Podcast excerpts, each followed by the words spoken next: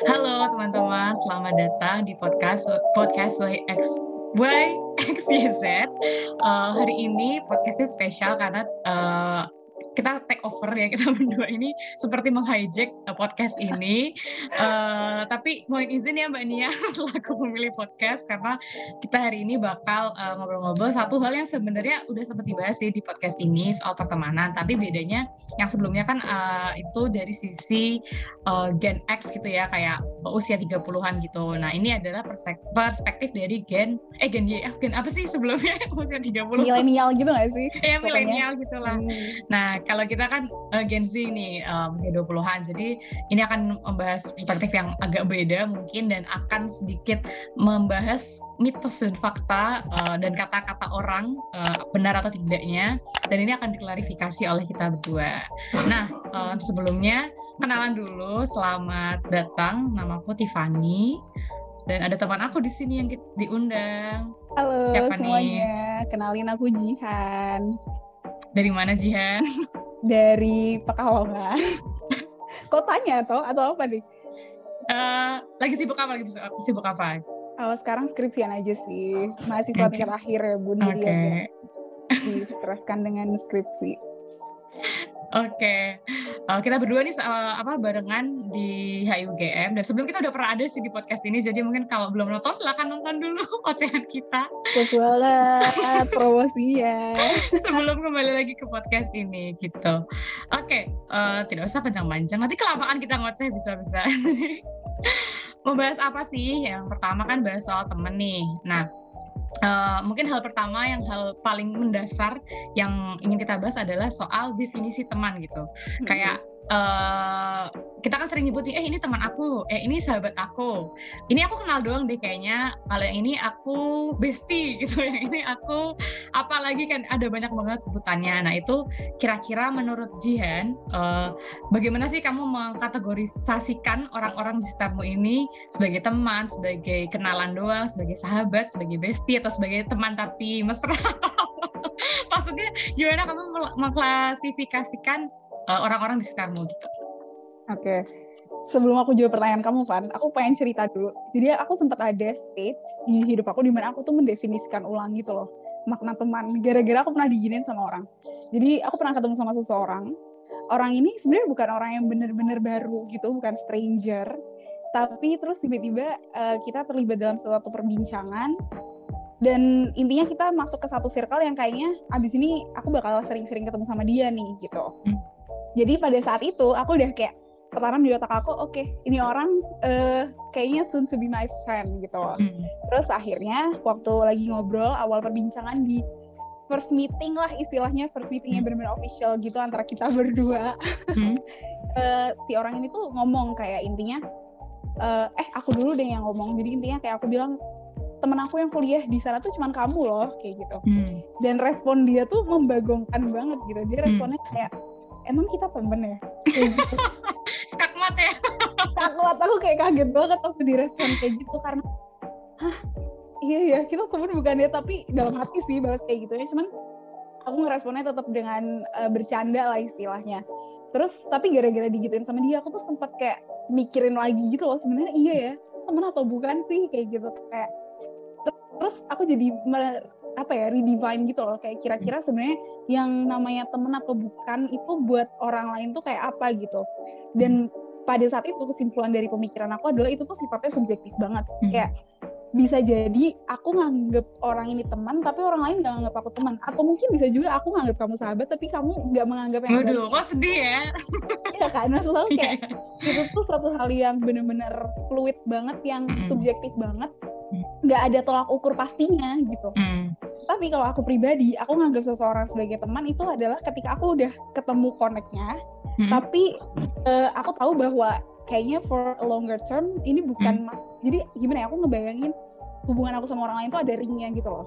Oh. Nah ini orang tuh kayak ring mm. kedua atau ketiga aku mm. gitu kalau misal along the way kita ternyata connect gitu hmm. ya mungkin dia bisa masuk ke ring yang lebih sempit lagi gitu bisa hmm. jadi sahabat atau hmm. ya, sahabat atau yang lebih dari itu mungkin hmm. tapi kalau misal enggak ya udah berarti emang cukup sebagai teman aja gitu atau mungkin hmm. kalau misal kali ketemu ya udah berarti anggapannya kenalan aja gitulah Hmm. intinya gitu sih kalau menurut aku kalau kamu gimana Bentar, tapi aku kepo dulu nih. Berarti ring-ringnya tuh gimana tuh? Ring satu adalah ring kenalan. satu enggak Hmm. dong ring satu Eh. orang-orang yang paling deket sama aku Oke, oke. hmm. ya Hmm. misal keluarga sahabat Hmm. terus apa lagi ya Iya keluarga dan sahabat sih intinya buat ring Hmm. satu ring dua ini orang-orang yang kita kenal eh, lumayan dekat eh, kita kenal satu sama lain eh, sering berbicara sering kumpul bareng tapi bukan orang yang kayak eh, istilahnya kalau aku ada apa-apa tuh orang ini ada yang akan aku hubungin pertama kali misal kayak gitu loh kalau Hmm. ring satu tuh orang-orang yang kayak main anu-anuan lah istilahnya Hmm. tapi kalau ring dua ini nggak kayak Hmm. ya udah kita kenal tapi mungkin kalau misal buat uh, sesuatu yang urgent mm, mereka nih bukan my go to list lah intinya kayak gitu Hmm. gitu terus ring tiga ya berarti emang bener-bener cuman kenal aja gitu yang Hmm. kayak kita kenal terus abis itu lupa oh ya gue kenal Hmm. dia ya Hmm. Sering terjadi sih itu apalagi sekarang gak sih kayak dengan Hmm. persosial media kan kayak iya aku kenal padahal sebenarnya cuma follow tuh kita nggak tahu dia dari mana juga bener banget dan itu sekarang sering banget gak sih maksudnya ketika apa ya kita menganggap sebuah koneksi itu tuh Hmm. ketika kita udah masuk ke sosmed gitu loh Iya, iya, kadang iya. aku pernah gitu ketemu sama orang di kereta Hmm? terus habis itu kita tukeran sosmed habis Hmm. itu udah nggak ada apa-apa Iya, iya, lagi terus kayak ngapain ya kita tukeran sosmed kelaran kayak gitu loh jadi kadang tukeran sosmed itu dianggap udah sebagai satu stage lebih awal gitu padahal Hmm. nggak selamanya kayak gitu nggak sih? Tapi itu tergantung juga sih ke orangnya mungkin ada orang yang sangat dengan mudah gitu maksudnya yo ya udah kalau udah masuk ke sosmed eh, aku akan dengan senang hati membagikan hidupku ke orang ini gitu kan. Misalnya karena dia udah followerku gitu. Tapi kan sekarang tapi juga kadang ada orang yang kayak enggak deh eh, digembok gitu Instagramnya. Terus kayak kalau nggak temenan banget nggak ada yang nggak mau di follow back gitu. Misalnya ada juga kan yang gitu. Tapi tuh kayak ntar bahas lagi deh soal sosmed tuh ada partnya sendiri. Karena Oke. panjang ya oke tadi kamu lupa aku sering mau nanya tadi kamu nanya soal aku ya. Bagaimana Iya benar definisiku gimana menurut kamu? Mm. kalau aku mungkin mirip juga sih em, secara definisi yang kamu ring-ringin itu, tapi tapi aku gampangnya mungkin sama sahabat ya orang yang aku sering ngobrol, maksudnya udah bukan kenal lagi lah ibaratnya udah kayak ngobrol, aku berbagi apa pun cerita gitu-gitu. eh kalau temen tuh lebih ke misalnya teman kuliah, teman organisasi, teman apa lagi ya, eh, teman proyek, apa-apalah teman-teman maksudnya kita kenal eh, tapi lebih dari lebih dari sekedar kenal tapi kurang dari sahabat jadi kayak em, kita berkomunikasi cukup intens tapi tidak seintens di titik di mana aku bisa berbagi apa pun gitu kan. Maksudnya ya paling berbagi se sebatas seprofesionalnya aja. Teman kuliah ya kita bahas soal tugas kuliah aja. Atau misalnya temannya bisa teman organisasi ya bahas kerjaan dan lingkup-lingkup eh, yang meng- yang berkaitan dengan organisasi lagi gitu-gitu. Tapi kalau kenal tuh ya mungkin sama kayak tadi ya kayak kayak kamu mungkin ketemu di kereta gitu gitu ya kenal aja sih sebenarnya.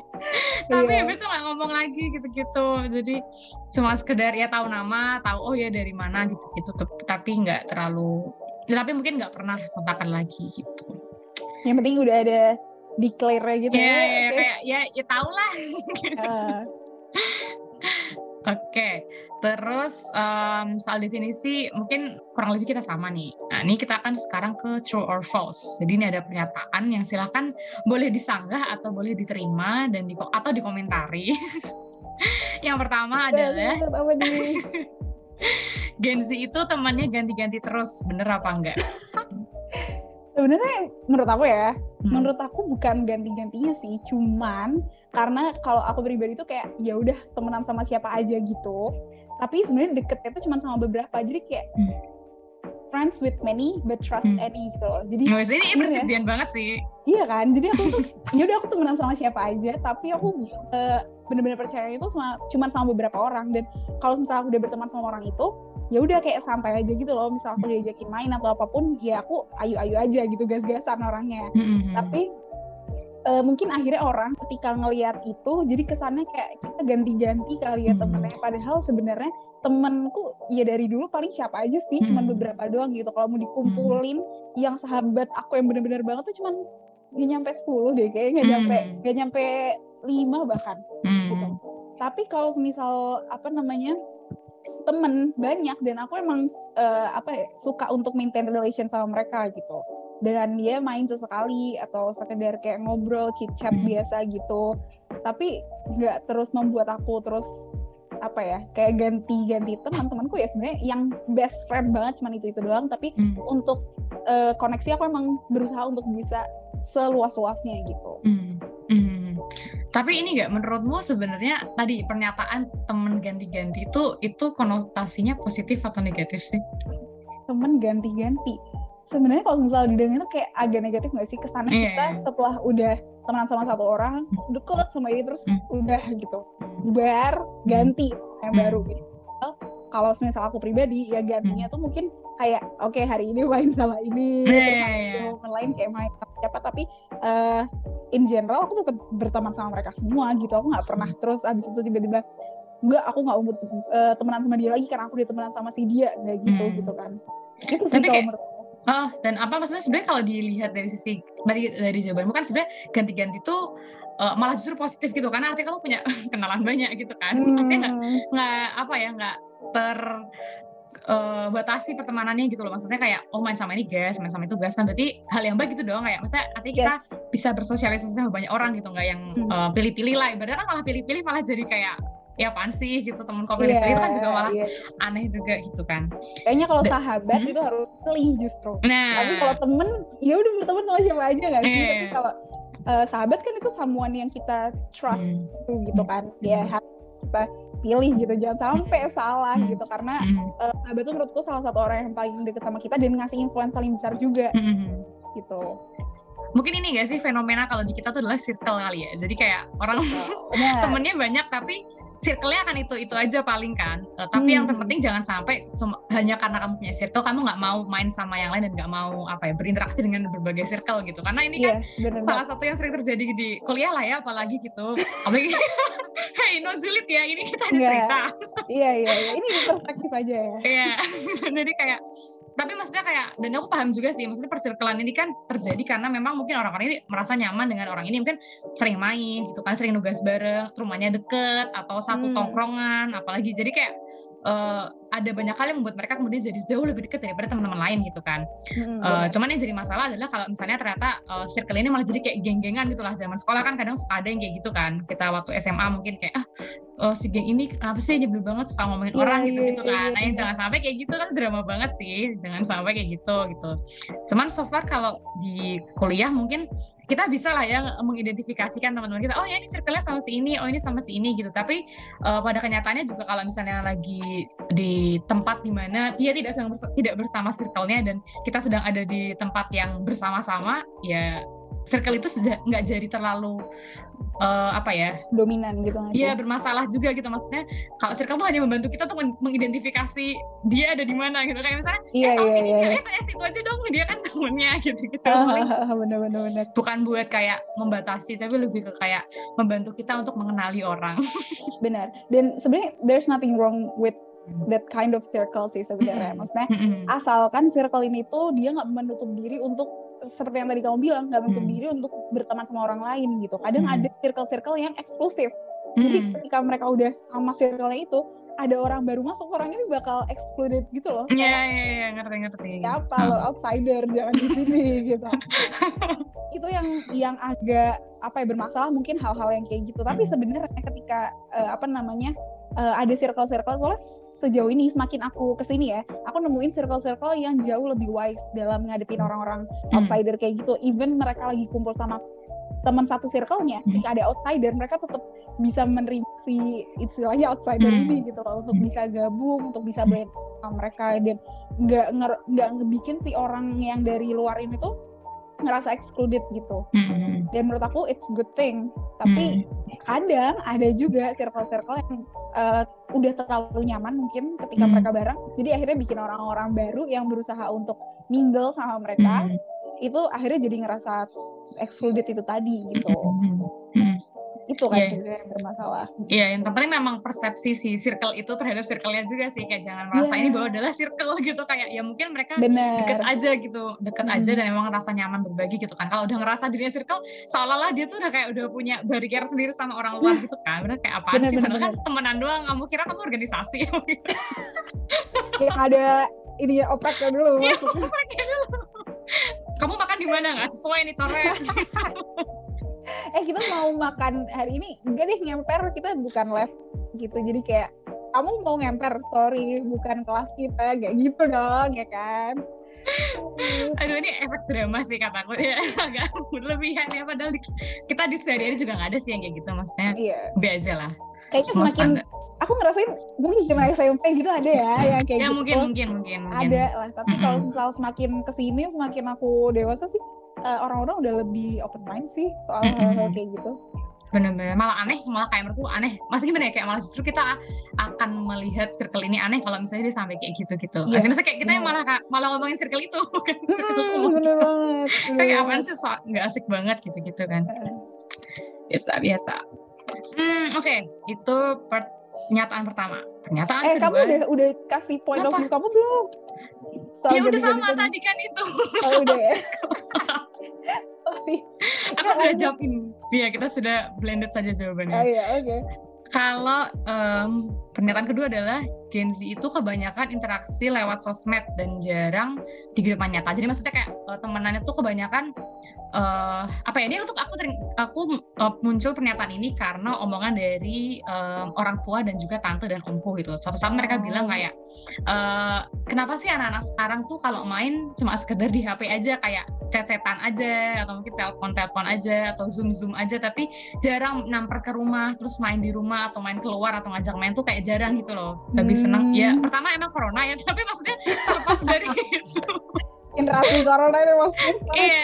bukan ini bukan konteks corona sih sebenarnya harusnya kayak ini dalam konteks yang luas gitu kayak kenapa cuma chat-chat aja gitu karena eh, sekarang kan misalnya kalau dulu kan ya oke lah wajar ya nggak ada telepon eh gak ada, jarang telepon aja susah atau mahal gitu. Nah sekarang kan ada chat jadi kita kayak udah deh chat aja tapi malah jarang main gitu kan. Jadi orang tua bertanya-tanya kamu tuh beneran temenan gak sih kalau misalnya cuma interaksi kayak gitu? Gitu. Nah menurutmu bagaimana gitu Eh, bagaimana dengan pertemanan Gen Z ini yang kebanyakan cuma chat-chatan aja?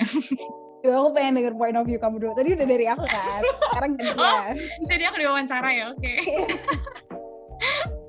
Aku apa ya? Ya ya ini sebenarnya lebih ke karena emang ya ada platform itu itu mempermudah aja sih bukan masalah kita mau ma- lewat mana gitu loh kayak eh, ya tentunya pengen main tapi karena mungkin merasa kadang aku merasa chat aja udah cukup jadi mungkin mau main tuh eh, perlu ekstra gimana ya perlu ekstra effort gitu loh kayak kan harus nyocokin waktu Time juga gak sih? Iya. ya benar. nyocokin uang ya kita mau main ke mana gitu Setuju. terus eh, nyocokin mau apa mau ke mana gitu gitu kan agak apa ya nggak selamanya gampang gitu kan. Apalagi dengan kita yang mungkin udah di umur segini mulai punya kesibukan masing-masing gitu. Jadi eh, sebenarnya mm, berinteraksi lewat sosial media itu eh, hanya sarana dan memang mempermudah gitu. Tapi kalau dibilang jarang main ya jujur emang iya sih. Aku juga maksudnya kadang suka agak terlena gitu ya. Ini agak pengakuan pribadi bahwa aku kadang ya memang orang rumahan juga jadi ngerasa kayak ya udah eh, kayaknya udah sering cerita deh sama nih orang kayak ya udah gitu. Eh, apa kecuali memang ada sesuatu yang memang urgent dan memang waktunya cocok kayak ya udah yuk kita ketemu terus habis itu baru ngobrol yang jauh lebih extended version gitu. Tapi kalau eh, chat-chatan emang ada ini juga sih kelemahannya adalah eh, kayak sering luput dan lupa bales dan kayak Hmm, iya apa ya banget. ngerti gak sih? Kayak ob- apa ya interaksinya tuh kurang intens sih memang kan jadinya Feelingnya beda gak sih soalnya? mm-mm. misalnya kadang misalnya aku ngobrol sama temenku yang eh, nggak satu kota gitu kan terus habis itu eh, kita sebenarnya sering ngobrol gitu tapi eh, karena kesibukan karena kayak eh, lupa bales terus kayak kadang apalah gitu permasalahan eksternal jadinya malah ngobrolnya tuh nggak bisa berlanjut dengan enak gitu misalnya kita lagi curhat soal apa nih terus tiba-tiba salah satu lupa balas dua hari gitu kan jadi mau cerita lagi kayak udah udah basi udah nih. beda gak sih? Udah gak Basi, gitu. iya ceritanya udah basi gitu jadi ya ya ya udah gitu kan malah apa ya eh, memang kadang itu mempengaruhi juga sih tapi eh selama emang itu nggak jadi masalah ya nggak nggak apa-apa memang memang itu apa sih adanya sosial media kan mempermudah kita gitu loh sering chat gitu-gitu kan ya justru mempermudah gitu. Nah memang tapi memang kayak apa ya eh mungkin bikin mager juga sih kayaknya. Itu membuat orang rumahan seperti aku semakin kayak ya udah aku bisa chat aja. Nggak usah keluar-keluar. Oke. tapi ini tidak jangan ditiru ya ini hanya disclaimer saja. Gitu Iya, preferensi gak sih iya sebenarnya? iya iya iya. Iya Iya, iya, sekarang dari aku bener. kali ya Hmm. kalau aku menurut aku ya kayak sebenarnya aku tipikal orang yang aku suka untuk ketemu sama orang daripada aku via chat Hmm. via call atau apa pun Hmm. aku lebih suka gitu loh karena gak tau feelnya beda aja gitu kayak Iya. eh, ini berkaitan sama love language juga aku Oh, setuju bun. quality time jadi kayak aku suka kalau misal aku eh, meluangkan waktuku untuk orang lain gitu tapi eh, at some point memang bener kayak, eh, kayak yang kamu bilang itu tuh butuh eh, extra effort gitu karena butuh spare time spare eh, money juga untuk apa namanya untuk bisa eh, ketemu untuk eh, apa ya nggak tahu sekarang kok berasa karena mungkin kita udah nemuin alternatifnya kali ya ada cara yang lebih iya. gampang nih kayak gini Iya, ini yang bener. daripada kita harus uh, effort dan lain sebagainya kayaknya kayak gini pun juga udah uh, sangat membantu gitu Hmm. tapi some point dengan habit kita yang kayak gitu misalnya kita jadi lebih terbiasa buat apa namanya komunikasi lewat sosmed lewat call dan lain sebagainya. Akhirnya aku ngerasa ketika aku punya waktu untuk ketemu sama orang ini itu tuh bener-bener kayak spesial banget gitu loh. Betul, betul, jadi kayak bener-bener ya udah aku cuman pengen ngobrol aja sama nih orang Hmm, nggak hmm, mau hmm, diganggu sama hal lain gitu. Jadi hmm, akhirnya tuh jadi suatu momen yang jarang dan spesial aja gitu dan hmm. kadang walaupun aku sebenarnya tipikal orang yang suka ketemu sama orang lain tapi aku Hmm. juga punya fase tau gak sih kayak nggak tau mungkin berkaitan sama apa namanya apa sih extrovert introvert ambivert kayak aku tuh aku tuh kayaknya ambivert jadi kayak Hmm. aku suka ketemu orang tapi nanti akan ada fase jenuhnya gitu loh ketika di Hmm. tengah-tengah pertemuan tuh kan capek dulu gitu jadi aku sendiri dan itu gak enak banget Hmm. ketika ada di momen itu gitu jadi kayak kadang ketemu ngobrol kayak gitu sangat membantu sih sebenarnya karena kan kita Hmm. bisa apa ya waktunya lebih fleksibel gitu Mm-mm. Terus sama ini gak sih sebenarnya juga aku juga inget ini sih obrolan em, persepsi dari orang tua aku tuh bilang kalau misalnya anak zaman sekarang pun kalau main nih kebanyakan main gadget jadi kayak maksudnya duduk nih di tempat satu tempat tapi tetap pada main HP gitu-gitu.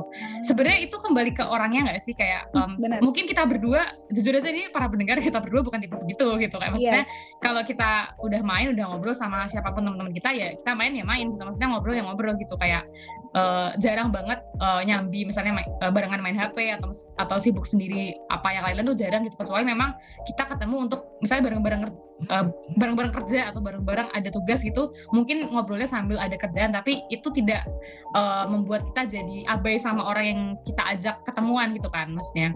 Uh, lebih ke apa ya kayak ya tahu waktu gitu kapan kita ngobrol kapan kita fokus ke diri kita gitu. Tapi maksudnya mungkin uh, persepsi itu muncul karena ya aku nggak bisa memungkiri juga banyak juga orang yang kayak gitu gitu. Aku sering lihat juga misalnya lagi aku di restoran gitu atau lagi di mana aku juga sering lihat gitu orang-orang yang kayak udah nih rame-rame duduk terus tapi kayak sibuk sendiri main HP atau malah Hmm, mungkin kalau sekarang tuh lebih ke yang sini sibuk bikin TikTok yang sini nge-story yang sini apa lagi kayak ya beda-beda lah. Ini kayak gitu gitu kan. Cuman itu kan eh, apa ya lebih ke preferensi bagaimana eh, pertemanan ini eh, berinteraksi juga gitu kan mungkin mereka senangnya kalau ngumpul bikin TikTok ya ya udah itu mungkin mungkin mereka emang Iya, senang iya, gitu karena iya, banyak benar, banget benar. kan yang sekarang kayak gitu jadi Terus- salah satu media hiburan Iya. juga sih? Iya iya, jadi apa cara mereka tuh men- mendokumentasikan uh, pertemuan mereka gitu kan, mungkin bikin TikTok gitu gitu.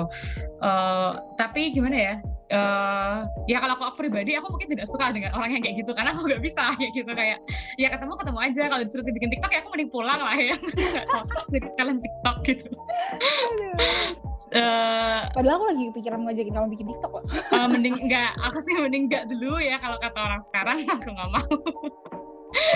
mudah-mudahan makanya nggak aku ajakin. Nah ya itu dia, itu lebih ke apa ya preferensi orang-orang sih. Gak tau sih kalau Jian nih, gak tau nih Jian nih lebih saya lebih aktif nih orangnya. Jadi kalau Jian gimana? kalau aku intinya ya eh, ketika sebenarnya aku gak suka aku pernah Hmm. ada di satu momen kayak kita bertujuh atau berdelapan gitu Hmm. tujuh di antara delapan orang ini tuh main HP semua kecuali aku gitu aku Oh. bete jadinya kayak Mm, mm, mm, "Wah, mm. gue ngapain ya di sini karena aku nggak Hmm. suka terus terang aku nggak Hmm. suka banget megang HP ketika eh, lagi kumpul gitu kayak Hmm. itu Hmm. Menurut aku tuh HP jadi distraction terus Iya, betul betul. tapi ada tuh aku pernah menemukan Hmm. momen yang kayak gitu dan itu terus terang awkward banget nggak Hmm. enak di akunya Hmm. dan akhirnya aku terus terang sih kalau misalnya kayak gitu aku ngomong kayak ini kita ngumpul ngapain ya guys Oh, no. mending pulang nih Hmm. gitu jadi kayak ya udah belak belakan aja ngomong gitu Hmm.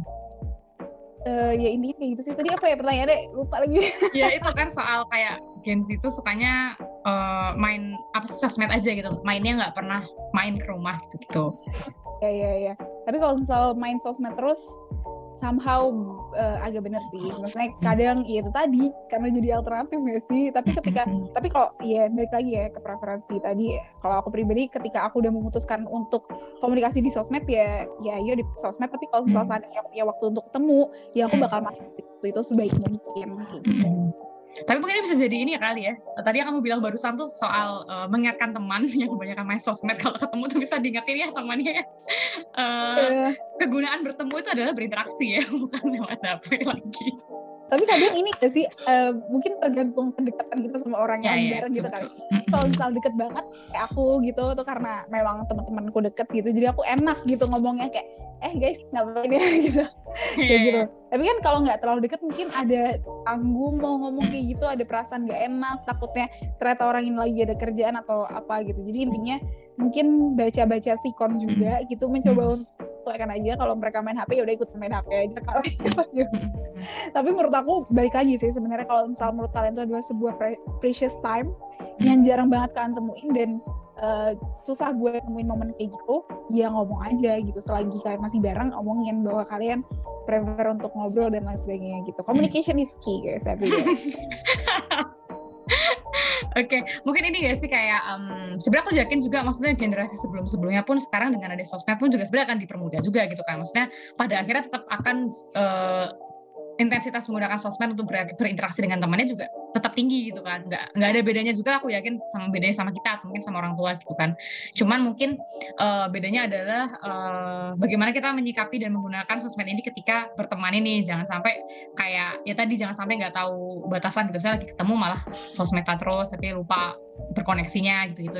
Jadi kayak sebenarnya lebih ke hmm, tahu waktu dan tahu penggunaannya gitu. Yes, benar banget sih. So bisa banget deh. Oke, lanjut. lanjut apa nih? Ketiga. Aduh. Oh, um, true or false, Gen Z itu sulit menjaga hubungan pertemanan. Hmm, enggak sih menurut aku. Buat aku ya, kayak justru Gen Z ini somehow hmm. buntung dengan segala macam kemudahan tadi untuk maintain relation yang mereka udah punya gitu loh. Hmm kayak hmm, aku sering banget gitu manfaatin sosial media dan lain sebagainya untuk mencoba sebisa mungkin maintain relation sama orang yang udah uh, yang udah masuk ke ring dua aku at least. Hmm. Karena kalau orang ring satu yang tadi aku jelasin di awal hmm. udah pasti kita punya hubungan yang jauh lebih intens dan sebagainya. Tapi ring dua ini nih yang kadang harus di maintain kan. Hmm. Uh, jadi makanya aku kadang suka gitu untuk memanfaatkan. Aku suka sebenarnya berteman dengan orang di sosial media karena sebenarnya dari sosial media itu tanpa kita harus benar-benar komunikasi kita jadi tahu kabar orang lain gitu. Yeah, aku iya, seneng yeah. kalau ada temen aku bikin story atau apa tuh aku kayak oh iya ternyata dia sekarang udah gini ya, udah lulus hmm. atau hmm. bentar lagi udah udah tunangan mau nikah dan lain sebagainya. Oh, iya. Tenang gitu. Kalau ini permasalahan umur 23, 24, 25 sekali ya. Ketahuan deh nah iya kayak gitu loh maksudnya kayak akhirnya jadi tahu kabarnya walaupun hmm. kadang bikin kita aduh kok teman-teman gue udah sampai sana aja masih di hmm. sini-sini aja nih kita hmm. gitu kan hmm. tapi uh, at some point itu jadi sebuah cara aku buat menjaga hubungan pertemanan dan aku kadang nggak segan untuk naruh komentar gitu loh asalkan hmm. komentar gue nggak toxic ya jangan hmm. uh, kayak kasih komentar yang kita suportif lah gitu uh, dengan sebuah progres yang udah teman kita kasih di hmm. yang udah mereka share juga di sosial media gitu jadi itu salah satu cara aku buat ngejaga hubungan pertemanan sih.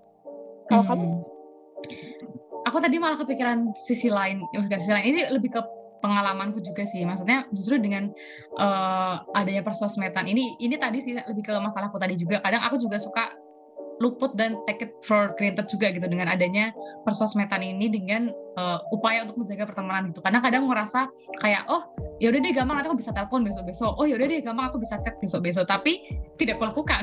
kadang maksudnya kadang ngerasa kayak oh uh, aku udah ngerti kabarnya ini tapi aku nggak nggak uh, apa ya nggak nyari tahu lagi atau misalnya kayak uh, sesederhana misalnya kayak temanku ada yang misalnya habis uh, lulus gitu atau bisa eh, habis apa niatku sebenarnya mau ngucapin dulu atau mau ngapain tapi kadang kadang ngerasa kayak oh tinggal chat doang gampang tapi aku lupa gitu pada akhirnya uh, itu uh, apa ya bukan mengganggu sih lebih ke kayak apa ya mempengaruhi mungkin intensitas ngobrolnya kita gitu jadi hmm. karena aku ngerasa uh, bisa dilakuin kapan aja aku malah jadi nunda-nunda gitu karena mungkin kesibukan atau apa gitu, gitu. jadi uh, mungkin itu bisa jadi salah satu kendala juga karena kita ngerasa in apa ya urgensi untuk bertemu kurang terus habis itu ngerasa oh semuanya bisa di chat chat aja nggak usah harus nggak um, usah harus harus telepon atau harus apa. Jadi kita kayak ngerasa uh, the fight untuk menjaga pertemanan ini agak susah gitu. Dan aku pribadi pun semakin gede semakin ngerasa juga kayak karena semakin bertempur besar kan temennya makin di mana-mana jadi kayak mulai ngerasa oh mulai susah ya menjaga pertemanan uh, dengan kondisi teman-teman yang